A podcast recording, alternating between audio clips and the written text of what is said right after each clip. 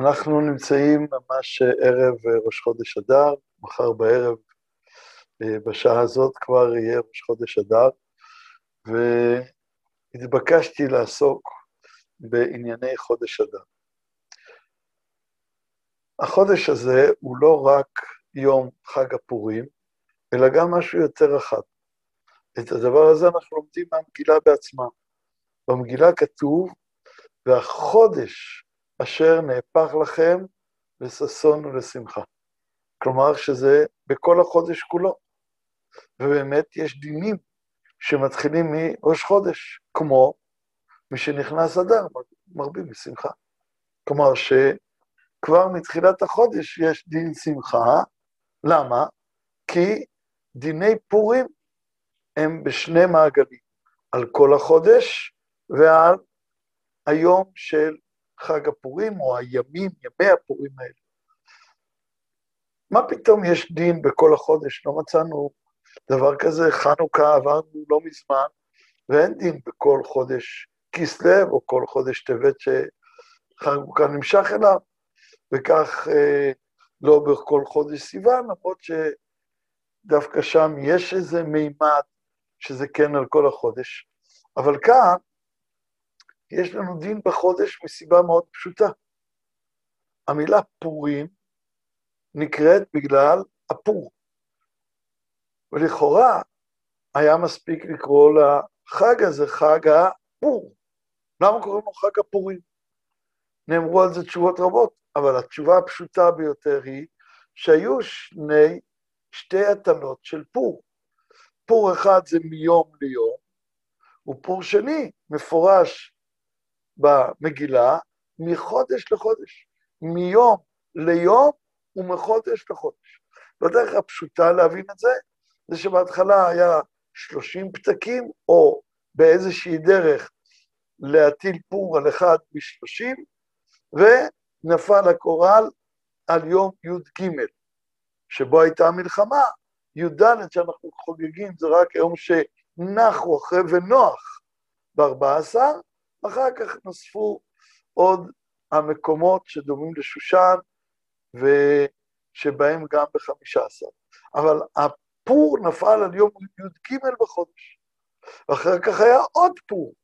הפור השני היה על איזה חודש? מיום ליום ומחודש לחודש.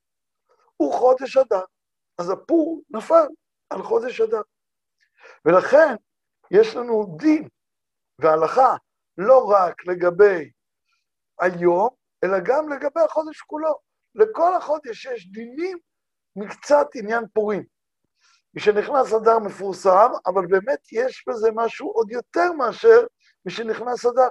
אם אדם יוצא לדרך, הוא מפליג בספינה, ולא יהיה לו מגילה לקרוא, אבל הוא יהיה בספינה עד אחרי פורים. אז ההלכה אומרת שהוא צריך לקרוא מראש חודש אדר את המגילה לפני שהוא יוצא.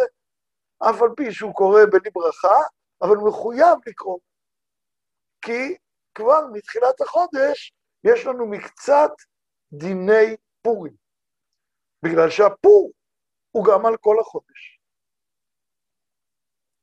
יתר על כן, חז"ל מלמדים אותנו שכשנפל הפור על חודש אדר, לא הפור של י"ג, אלא הפור של אדר, ראה המן שהפור נפל על חודש אדר ושמח. וזה חודש מצוין. למה? אומרת הגמרא במסכת מגילה, בגלל שזה חודש שמת בו משה רבינו. אז הוא ראה את התזמון הזה כמוצלח במיוחד מבחינתו, ושמח כיוון שראה שנפל הפור על חודש אדר, שמח שמת בו משה רבינו. נו, אז אם ככה, למה באמת אנחנו זכינו לתשועה גדולה? אומרת הגמרא, שהוא לא ידע פרט אחד, שמשה רבינו גם נולד בחודש אדר. הגמרא אומרת פה דברים תמוהים. אני לא מדבר על כך שכנראה אין כוונת הגמרא להסביר לנו שכך היה המעשה אצל המן. לא נראה לי שזה הפשט. דברי חכמים הם בצורה של רמז וחידה ונתונים למבינים את השפה ולא מתכוונים לסיפור כפשוטו, שהמן באמת זה לא הפשט. אבל חז"ל רוצים ללמד אותנו כל תוכן עמוק, שבאמת מזלו של המן, שורשו של המן, מלאך בשמיים של המן. כשהוא ראה את זה הוא באמת שמח, ומהשמחה של המלאך שלו משהו גם חדר וחלחל עד לאמן בעצמו. והשמחה הייתה על כך שמשה רבנו מת. כמה זמן לפני משה רבנו מת? קרוב לאלף שנה. אז מה זה משנה עכשיו שמשה רבנו מת? קרוב לאלף שנה.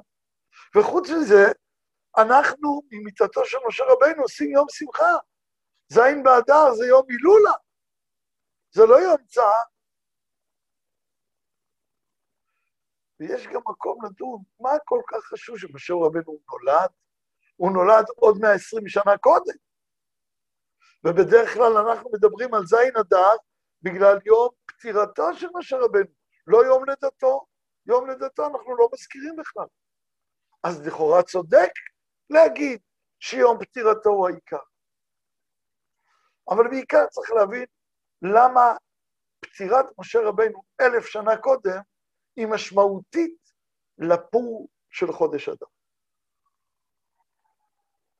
נדמה לי שרבותינו באו ללמד אותנו איזה חוש עמוק שהיה לאמן הרשע. 70 שנה לפני אמן הרשע, סנחריב בא עם כל צבאו על ירושלים. בלילה אחד, 185 אלף חיילים מתים בשערי ירושלים. האם אומות העולם זוכרים דבר כזה? בוודאי. איך אפשר לשקול? זה מלכות בבל שפרס החליפה אותה. גם נבוכדנצר הקיז הרבה דם לפני שהוא כבש את ירושלים, וכבש את כל העולם לפני שהצליח להבקיע בארץ ישראל.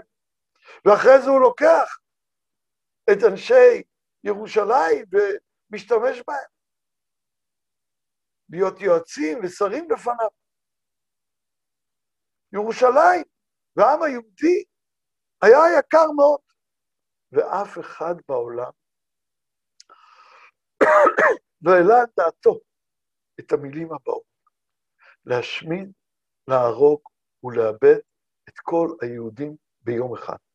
אפילו היטלר, יימח שמו וזכרו, שעסק בלהשמיד, להרוג ולאבד את כל היהודים, אבל שתי מילים הוא לא הוסיף לזה.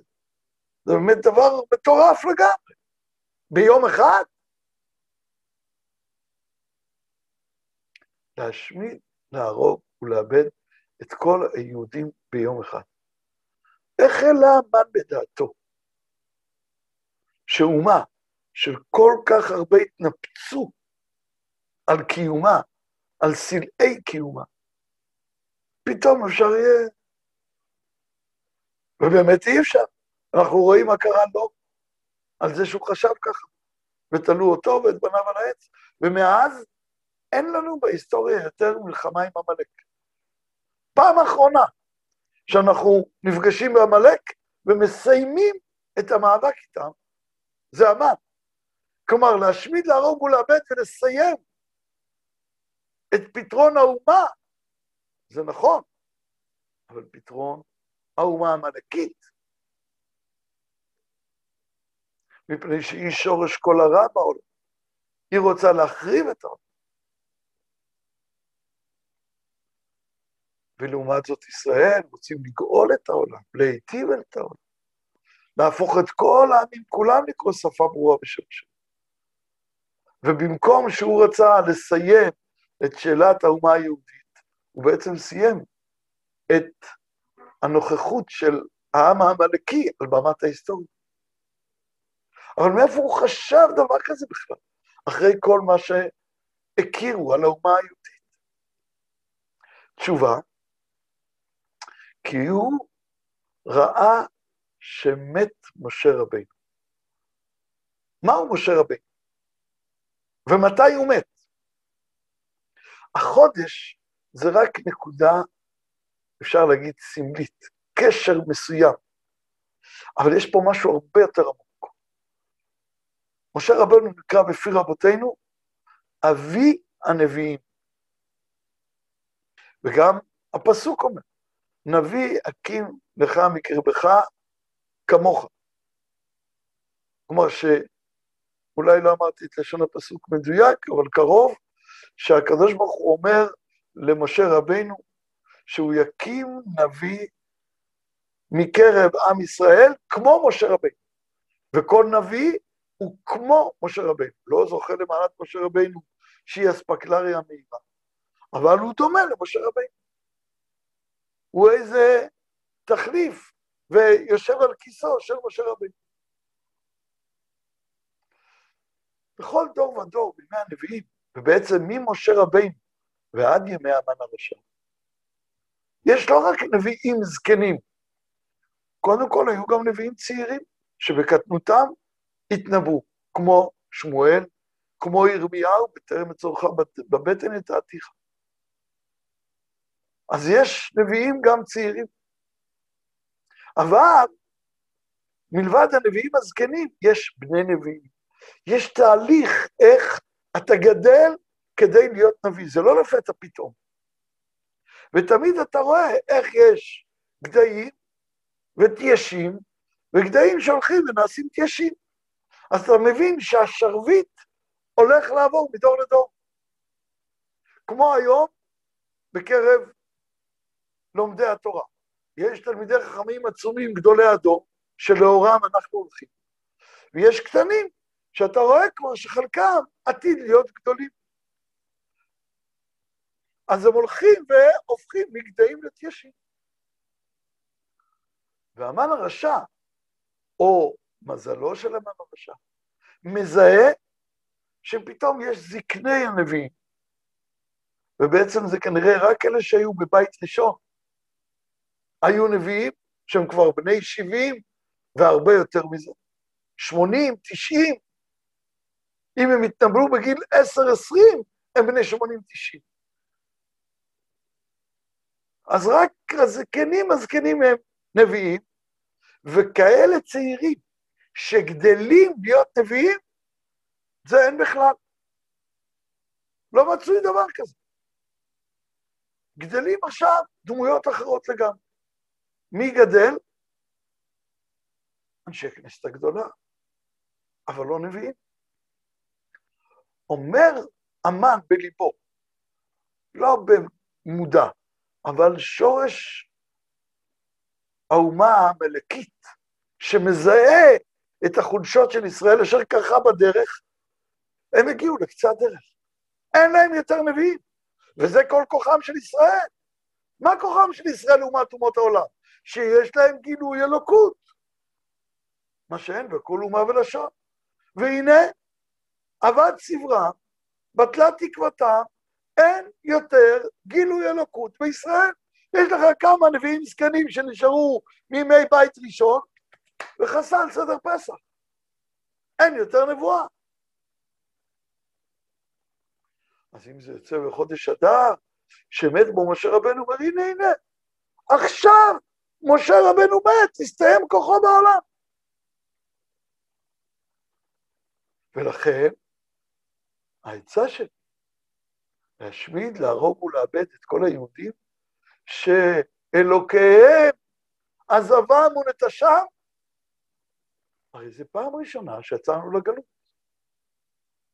כל הזמן היינו בארץ ישראל. עם שיוצא לגלות, אין עוד פעם בהיסטוריה עם שיוצא לגלות הוא חוזר לארצו. עם שיצא לגלות הוא מתכלה. אז ישראל יוצאים לגלות ומתבוללים, אוכלים מסעודתו של אותו רשע אחשורוש, וגם, למה אחשורוש עושה סעודה משתה בשנת שלוש למולכו? כי לפי חשבונו סיימו 70 שנה. כלומר, ירמיהו אומר, בסוף 70 שנה אתם חוזרים. הנה 70 שנה, ולא חזרו. למה? הקדוש ברוך הוא עזב אותם. וכיוון שזאת אומה שאין להם שום כוח ועמידה, אלא בגילוי האלוקות שבקרבם, אז העסק נגמר. הנה, יש כאן עוד רעיונות על הקשר שמשה רבנו הרים את ידם ועם ישראל ניצח את עמלק, על השאלה האם המן הרשע הכיר את החודשים העבריים, אמרנו שחז"ל רומזים פה לעניין עמוק, ואולי הכוונה בעיקר לשרו של עמלק, לשרו של המן הרשע. איזה מלאך בשמיים שאומר לו גדל. עכשיו נראה את הצד השני. והוא לא ידע שמשה רבנו נולד. אבל משה רבנו נולד לפני למעלה מאלף שנה, מה זה רלוונטי עכשיו? לא, לא, לא, לא, לא. משה רבנו דווקא נולד בדיוק עכשיו. כי כולנו מכירים את המשנה במסכת אבות, שאומרת, משה קיבל תורה מסיני, מסרה ליהושע. יהושע לזקנים, זקנים לנביאים, לנביאים מסרוה לאנשי כנסת הגדולה, הם אמרו שלושה דברים. מי? אנשי כנסת הגדולה. וממשה רבינו עד אנשי כנסת הגדולה, שדרך אגב, מי היה מאנשי כנסת הגדולה הראשונה? אחד מהמאה העשרים, שהכנסת שלנו נקנית על שם אנשי כנסת הגדולה, ושם היו 120 חברים, ולכן יש לנו 120 חברים בכנסת שלנו, ואחד החברי כנסת הראשונה קראו לו מרדכי. הוא היה חבר הכנסת הראשונה, אז הכנסת הגדולה. אז הם אמרו שלושה דברים. וממשה רבינו עד אליהם יש אלף שנה. למה לא אמרו שום דבר באמצע? אלף שנה לא אומרים כלום. מפני שכשיחזקאל אומר כה אמר השם, הוא לא יכול להגיד, וכך אני אומר. וגם לי יש דעה. מי שדבר השם בפיו, משתתק לגמרי, יודע שלעומת האמת האלוקית, שכשהיא מתגלה אליו, הכל מתמוסס, הכל מתפוגג, כל המציאות מאבדת את תוקפה, כי השורש האלוקי שלה מתגלה. מה שהוא יגיד זה סברה אנושית חסרת ערך. לכן אלף שנה לא אומרים כלום, כי עדיין הייתה נבואה. מה שאומרים זה רק נבואה. יש יוצא דופן, וזה בעיקר אצל שלמה המלך, שהיה באמת יוצא דופן, כי יותר משהוא היה נביא, הוא היה חכם. אבל עדיין, הוא לא מחכמי ישראל, חכמי ישראל במובן הרגיל שאנחנו קוראים לו חכמינו זיכרונם לברכה. מתי מתחילים חכמינו זיכרונם לברכה? באנשי כנסת הגדולה. הם אמרו שלושה דברים, ככה מתחילים המשניות. ככה מתחילה תורה שבעל פה. ובעצם המילה משה רבינו שייכת לשם. עד כאן זה היה משה נביאינו, אבי הנביאים. אבל לא רבם של החכמים. כי בזמן שיש נבואה, החוכמה לא יכולה להתגלות. היא בלועה בנבואה ולא יכולה לצאת החוצה. עכשיו שנסתיימה הנבואה, מתחדש כוחם של ישראל. לא רק שהקדוש ברוך הוא מתגלה אליהם, אלא הם בעצמם מאירים מתוכם חוכמה אנושית. ושמא תאמר אי אפשר, כך אמר אותו גר מפורסם להלל הזקן. כמה תורות יש לכם? אומר לו שתיים. תורה שבכתב, תורה שבעל פה, תורה שבכתב אני מאמין לך, תורה שבעל פה אני לא מאמין לך. מה זה שאתם, בני האדם, יכולים להגיד דברים ויש להם ערך אלוקי, אלו ואלו דברי אלוקים חיים? אומר לו הלל, כן, ועושה לו את החשבון של האותיות, אנחנו לא נכנסים לסיפור ההוא. אבל להגיד שיש בקרבנו אור אלוקי, שאנחנו יכולים להגיד תורה, זה עוד יותר משמעותי אפילו מנבואה. זה לא שהקדוש ברוך הוא רק מתגלה עלינו, אלא הוא מתגלה מתוכנו. לכן אנחנו אומרים, הדר קיבלוה בימי אחשורוש. כי כל קבלת התורה, ממשה רבינו ועד לאחשוורוש, עד להמן, עד למרדכי היהודי ואנשי כנסת הגדולה. זה אור מבחוץ. הקדוש ברוך הוא מאיר עלינו, ואנחנו לא יודעים להגיד כלום. ועכשיו הקדוש ברוך הוא קצת מרכך ומסלק את אורו, ואז פתאום לנו יש מקום, וזה מתגלה מתוכנו.